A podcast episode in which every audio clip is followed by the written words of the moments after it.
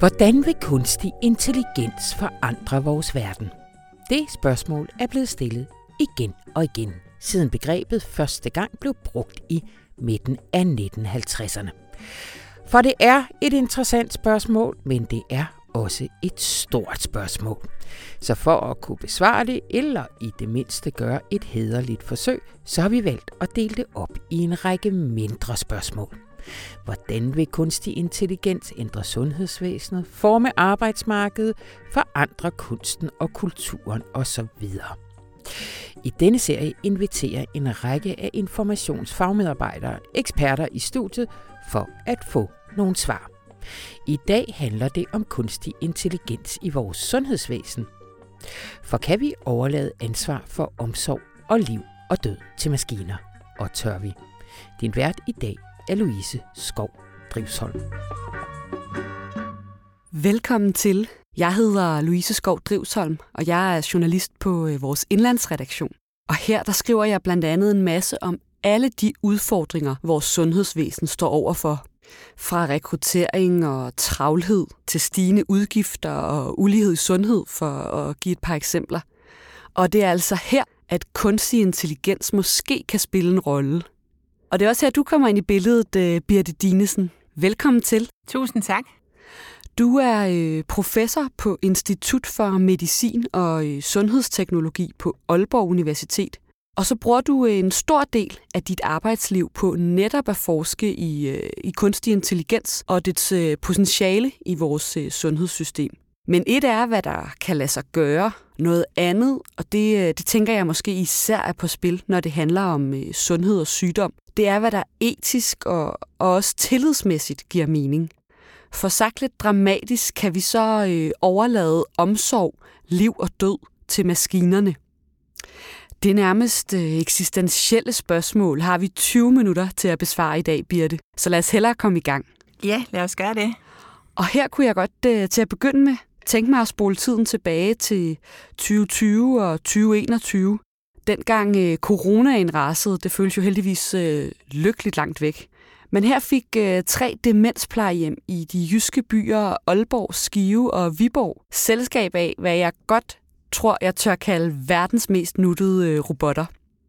De hedder Lovert. Øh, det er en sammenblanding af ordene love og robot, og lad os lige prøve at lægge ud med at høre, hvordan det lød, da TV2 var forbi Mov Plejecenter i Nordjylland, hvor øh, Lovert var flyttet ind. Prøv lige at se, hvem jeg har taget med på besøg i dag. Nej, det er mine små.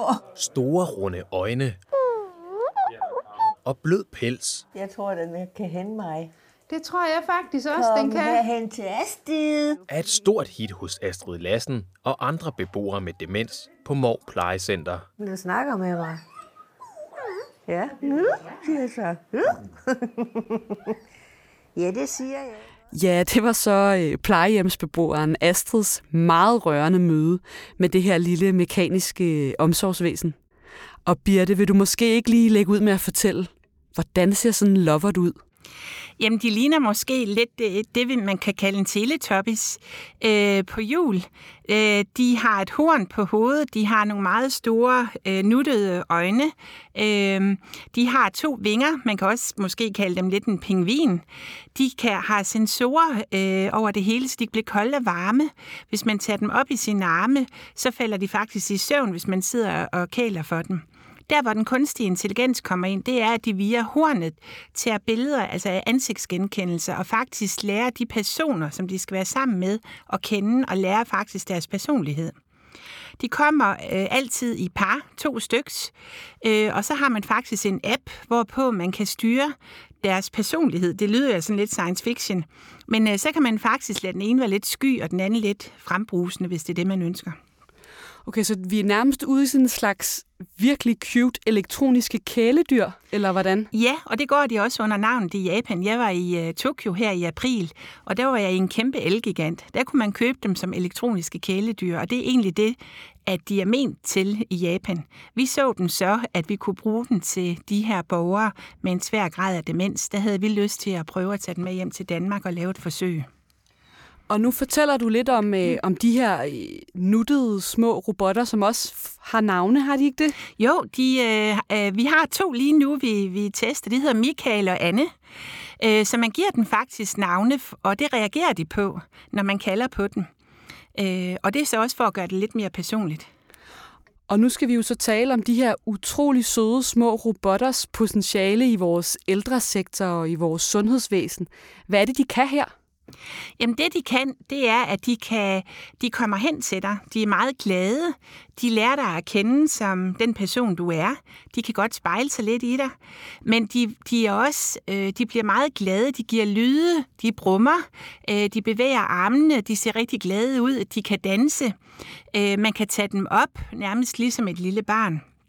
Og det vi gerne ville, da vi så den første gang sammen med Aalborg Kommune i deres ældre- og handicapforvaltning, det var, at vi tænkte, at, at ældre, som har en meget svær grad af demens, de går meget ind i sig selv. Så vi tænkte, at vide, om de her robotter kan være med til at åbne op for kommunikation, kan vide, om de kan være med til at åbne op for nogle følelser, fordi mange af dem faktisk godt kan være enten meget kede af det, blive vrede, eller gå lidt ind i sig selv. Så det var egentlig sådan baggrunden for, at vi egentlig gerne ville, ville prøve den på den her øh, målgruppe. Og jeg startede jo så med at fortælle, at der var tre demensplejehjem i tre forskellige jyske byer, der fik besøg af de her små Michael og Anne og hvad de ellers hedder af gode danske navne. Altså, og du har så forsket i, hvordan det ligesom påvirkede hverdagen for, for beboerne på de her plejehjem. Altså, hvad, øh, vil du ikke fortælle lidt om, hvad dine resultater viste? Jo, vi nåede at have over 50 beboere, som var sammen med, med Lovert på de her tre øh, plejehjem. Og det vi kunne se, det var faktisk, at de kunne være med til at give en tryghed hos borgerne. Vi kunne se, at det faktisk også åbnede op for kommunikation. Altså personer, som ikke havde talt øh, i længere tid, begyndte at plude og begyndte at snakke. Øh, vi kunne også se, at de begyndte at snakke med hinanden. Vi, vi testede dem både på nogle enkelte personer, men også i nogle gruppesammenhæng, hvor de sad flere personer sammen. Vi så også, at personer, som var, havde, var ved at begynde at, og sådan at at blive vrede eller blive sådan lidt gal, at hvis de så var sammen med en lovert, så faldt de ned. Man gav jo også øh, vaccine til beboerne, og det var der ikke alle, der var lige glade ved. Så der brugte man faktisk øh, lovert også til at dist, øh, distrahere øh, de ældre øh, borgere med. Der, hvor vi så så, så hvor det ikke var, de ikke var så gode, det var og en ældre dame, der havde mistet et barn, da hun var helt ung. Og øh, der stimulerede de for meget, så hun blev helt ulykkelig, når hun var sammen med de her lovert. Og vi havde også en ældre landmand, som syntes, det var overhovedet ikke noget. Han ville hellere have sin egen hund. Men øh, de, kan, de kan noget, og vores konklusion på vores øh, øh, forskning var, at de er et værktøj, et rigtig godt værktøj til den her målgruppe med inden for kommunikation.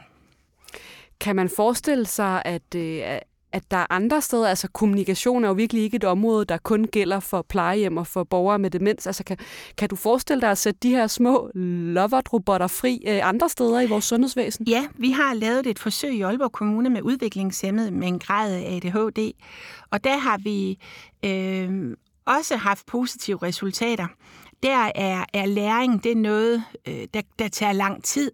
Så vi prøvede det over et halvt år, men her kunne vi også se, at de kunne være et rigtig godt pædagogisk værktøj. Lige nu har vi et studenterprojekt, hvor vi tester dem i Aalborg Kommune hos unge børn med ADHD, og øhm, der er vi i gang med at analysere vores resultater og med henblik på, at vi kan gå ud og søge penge til et noget større projekt. Så inden for børnepsykiatrien vil det også være oplagt at bruge den. Altså, der er jo åbenlyst et potentiale, kan jeg godt høre. Og nogle af det, fælles for nogle af de områder, du nævner i, i sundhedsvæsenet, er, at vi også nogle steder, hvor at personalet i dag har meget travlt. Og her kan jeg jo nærmest se en eller anden fidus i, at man kan sådan udlicitere i, i anførselstegn noget af den omsorg, som det her personale, der løber så stærkt, ikke har tid til. Øhm, det er jo på den ene side rigtig smart og et stort potentiale ved den her kunstige intelligens indtog. Men jeg tror også, at der vil være nogle lyttere, der vil finde ideen om, at det foregår på den måde sådan en lille smule skræmmende og science fiction-agtig. Altså, hvad tænker du om det? Ja, men jeg er også blevet mødt med en skeptisk øh, tankegang. Er det syntetisk omsorg? Og det kan man selvfølgelig godt sige på den ene side. Ude i Korea, der er man jo gået skridtet videre, hvor man har fået de her robotter til at tale, fordi der er en stor ensomhed blandt de ældre. Og man kan sige, jamen det er jo ikke for, at de skal erstatte de, de, varme, eller de varme hænder, men, men de kan noget andet, og de kan åbne op for den her kommunikation og få et smil på læben. Så jeg tror, hvis vi finder en god måde at bruge den på i det daglige arbejde, så, så kan jeg kun se den skeptis, der var på de her tre plejehjem, den blev i hvert fald mandet til jorden. under vores forsøg. Så det er ikke sådan, at, øh, at man skal forestille sig, tænker du, at man som pårørende til en, øh, en, en forælder med demens eller forældre til et barn med, med, med en psykisk lidelse kan blive mødt af en lovert-robot i stedet for en ansat? Det, de kan noget andet, eller hvordan? Altså, vi, vi havde et eksempel, hvor, hvor der var en kone, hun havde, havde drevet en kro, og havde aldrig været hjemme med sine børn, så i dag, når børnene kom, synes de faktisk, at, at, at når hun var sammen med Lovert, så kom der en anden side frem af deres mor, end de havde set, da de var børn. Så, så robotterne kan fremprovokere nogle andre følelser, og gav egentlig en god oplevelse for dem at være sammen med deres mor og med, med børnebørnene. Så jeg tror, vi har, vi har kun set begyndelsen. Vi ser meget mere i Japan. I Japan ser vi også robotter, der er blevet udviklet til at sidde hos praktiserende læge, fordi den japanske kultur er sådan meget stiv. Den skal sidde, der er en sygeplejerske, skal sidde og smile til patienten, når de er inde hos deres egen praktiserende læge. Det er, ja, perspektiverne i det her er, er virkelig vilde. Øhm, men altså, AI's øh, potentiale i, i vores sundhedsvæsen, det, det handler jo ikke kun om de her nuttede mekaniske omsorgsafløsere, eller hvad man skal kalde dem. Altså noget, der bliver nævnt igen og igen, når man læser sig lidt ind på det her område, det er, det er billeddiagnostik, altså, altså røntgen og scanningsbilleder, at her kan øh, maskinerne altså også virkelig gøre en forskel. Øh, for sådan lige at sætte rammen for det, Birte, vil du så ikke sådan fortælle, hvordan ser hverdagen ud for røntgenlæger og radiografer i dag? Jamen, der, der er jo rigtig meget teknologi, og det er det område, der bruger allermest kunstig intelligens i det danske sundhedsvæsen. Og de har gjort det øh, i, i mange år. Og øh, det er simpelthen, fordi de har en masse fordele ved det. Øh, de her kunstig intelligens kan jo meget mere end den menneskelige hjerne. Det kan jo simpelthen vurdere øh, rigtig, rigtig mange røntgenbilleder. Det kan for eksempel være at se efter knuder i brystet eller, eller efter hjernetumorer, og kan have kigger efter mønstre meget mere end den menneskelige hjerne kan. Og det har man jo udnyttet øh, inden for, for røntgendiagnostik. Og det er både her i Danmark, men også i udlandet. Så her bruger man det som et øh, værktøj, øh, og så er der en læge, læger, som ved siden af så kigger på det samtidig. Så det er simpelthen et klinisk beslutningsstøtteværktøj. Så i stedet for, at der skal sidde højt lønnede læger og gennemgå 10.000 vis af billeder selv, så kan man simpelthen via den her kunstige intelligens, ja. få den til at spotte kraftknuder eller brækkede ben, eller hvad det nu måtte være, de kigger på? Lige netop, og det, det giver jo, det kan godt være, at du siger højt øh, lønnede læger, men det giver jo en bedre diagnostik, mere præcis diagnostik, og det giver også i forhold til patientsikkerhed og kvalitet i sundhedsvæsenet en masse effekter. Så dem skal vi jo også huske at have med. Og altså, er det på en eller anden måde, når du nævner det her eksempel fra, fra røntgenområdet, er det så ikke meget sådan illustrativt for det potentiale, kunstig intelligens sådan generelt har i sundhedsvæsenet? Altså sådan evnen til at systematisere og udrede og diagnostisere øh, hos os bedre end os mennesker, øh, uanset hvor lang en øh, uddannelse vi måtte have? Jo, det er det. Og også fordi, at vi jo i Danmark kan, kan bryste os af, at vi har data fra, vi bliver født, til vi går i graven, graven og også fordi vi har et individuelt CPR-nummer. Så vi, øh, vi ryster os i Danmark, og regeringen har også lige i dag sat endnu flere penge af til kunstig intelligens og forskning i det. Så vi kan en masse med de her data. Men vi skal have meget mere forskning, og vi skal også have meget mere kunstig intelligens ud i den hvide verden, så vi kan bruge det og få gavn af det. Fordi det skal udvikles, og det er ligesom de her robotter. Det er ligesom, når man går til fodboldtræning. Man bliver bedre og bedre, jo mere man træner. Men sådan er det også med kunstig intelligens. Det bliver bedre og bedre, jo mere man udvikler, jo flere data der er. Så det skal trænes, og der skal også være evidens, for vi skal selvfølgelig føle os trygge ved brugen af den her kunstige intelligens. At vi er sikre på, at det nu det, den ser, og det forslag, den kommer med, er der, er der evidens for, at det virker. Ja, det kunne jeg godt øh, tænke mig at, at vende tilbage til netop det her med tilliden, som jo er ekstremt afgørende netop på sundhedsvæsenet. Men altså en ting er, hvad, hvad lægerne og sygeplejerskerne og alle de ansatte, der mangler folk af i dag, kan, kan, kan bruge den her kunstig intelligens til. Er det, altså, er det også noget, som patienter, som potentielt dig eller mig, kan få glæde af? Helt sikkert. Vi har selv lavet, vi laver selv et studie i Viborg på hjerteafdelingen, hvor vi har hjemmemonitorering af patienter med hjertesvigt. Og der har vi lavet et lille trafiklys, hvor patienterne, øh, her er det meget vigtigt, at de ikke tager for meget på i vægt over to dage. De må ikke tage to kilo på. Så der har vi lagt deres data ind, hvor meget må de tage på. Og hvis de så stiger over det, så får de enten en lille advarsel som et trafiklys. Er den gul, så er det en lille smule grøn, så er det ok. Er det rødt, så skal de altså snakke med en læge. Så vi kan også bruge det til at støtte patienterne i at passe bedre på sig selv, og også i den her håndtering af forværinger af symptomer, så vi undgår, at de skal ind på sygehusene. Fordi sygehusene skal tage sig af de sygeste patienter. Også fordi vi har det her sundhedsvæsen i knæ i dag. Okay, så man kan altså også sagtens forestille sig, at i stedet for at man skal ringe 1813, som det er her i, i Region Hovedstaden, og høre en læge eller bestille endnu en tid eller dukke op på hospitalet, fordi man er i tvivl om et eller andet, jamen så har man en eller anden form for overvågningssystem derhjemme, der fortæller en, om, om situationen er kritisk eller ej. Det kunne man godt forestille sig. Man bruger jo faktisk kunstig intelligens her i hovedstadsområdet, netop også til, når man ringer akut ind, og til også at kunne være med til at kigge på en masse parametre. Og altså, så er vi jo på en eller anden måde, når du fortæller om det her, synes jeg sådan en lille smule tilbage ved det grundlæggende spørgsmål, som, øh, som jeg lagde ud med øh, her i, i udsendelsen. Altså fordi noget af det, jeg i hvert fald synes er rigtig rart i mødet med sundhedsvæsenet og dets meget kliniske rammer, det er, at der ligesom er øjenkontakt, der er et andet menneske. Jeg oplever måske, hvis jeg er rigtig heldig, tid og empati og så videre. Altså, alt det er jo rigtig svært at overlade til maskiner. Altså, kan vi virkelig have tillid til, at den kunstige intelligens kan for eksempel spotte kraftknuder på et scanningsbillede, eller advare os i tide om risikoen for hjertesvigt, når vi er derhjemme som patienter? Den kunstige intelligens, som der er på, på inden for røntgenområdet og i forhold til diagnostik inden for kræftområdet, der er der evidens på, at det kan vi godt have tillid til. Der er faktisk blevet lavet en amerikansk undersøgelse i forhold til ChatGPT her lige før sommerferien, hvor man havde sammenlignet det at spørge en ChatGPT med at spørge en almindelig praktiserende læge.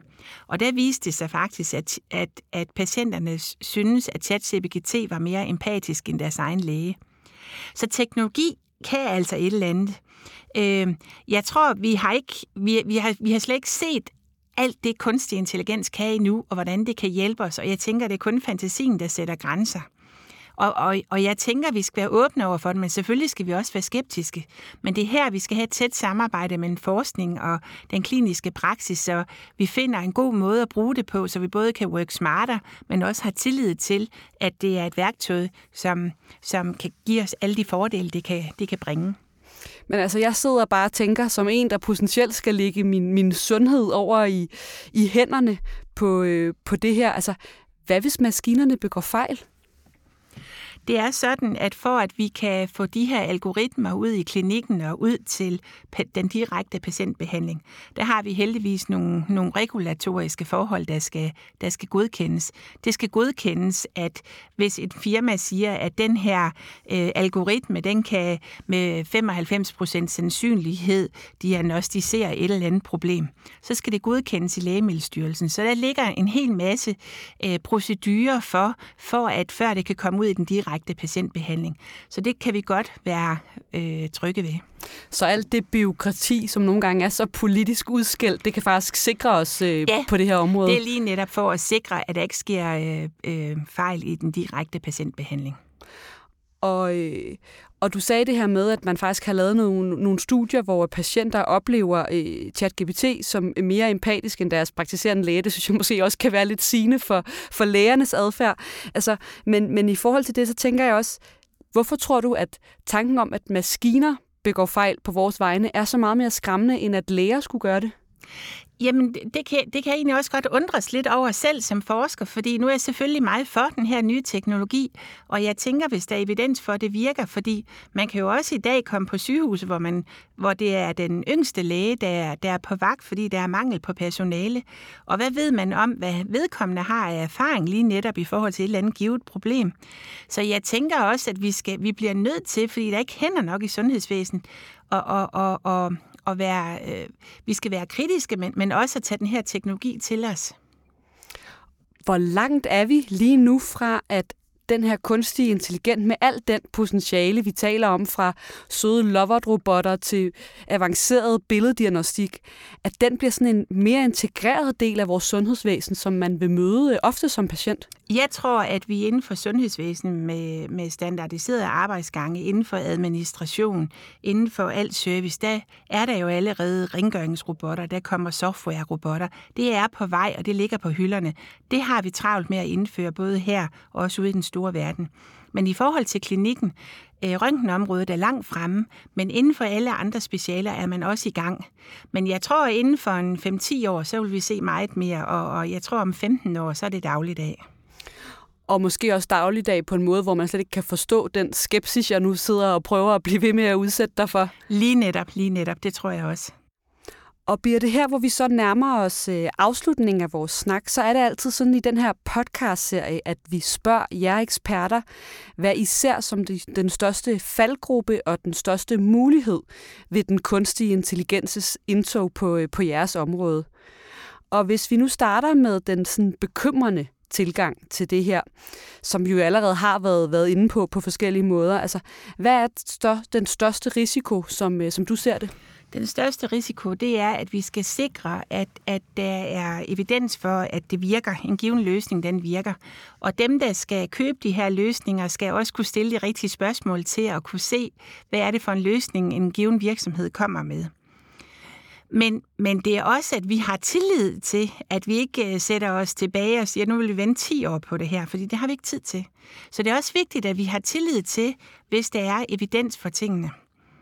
Øh, så jeg tror, at de to ting, de går sådan meget hånd i hånd.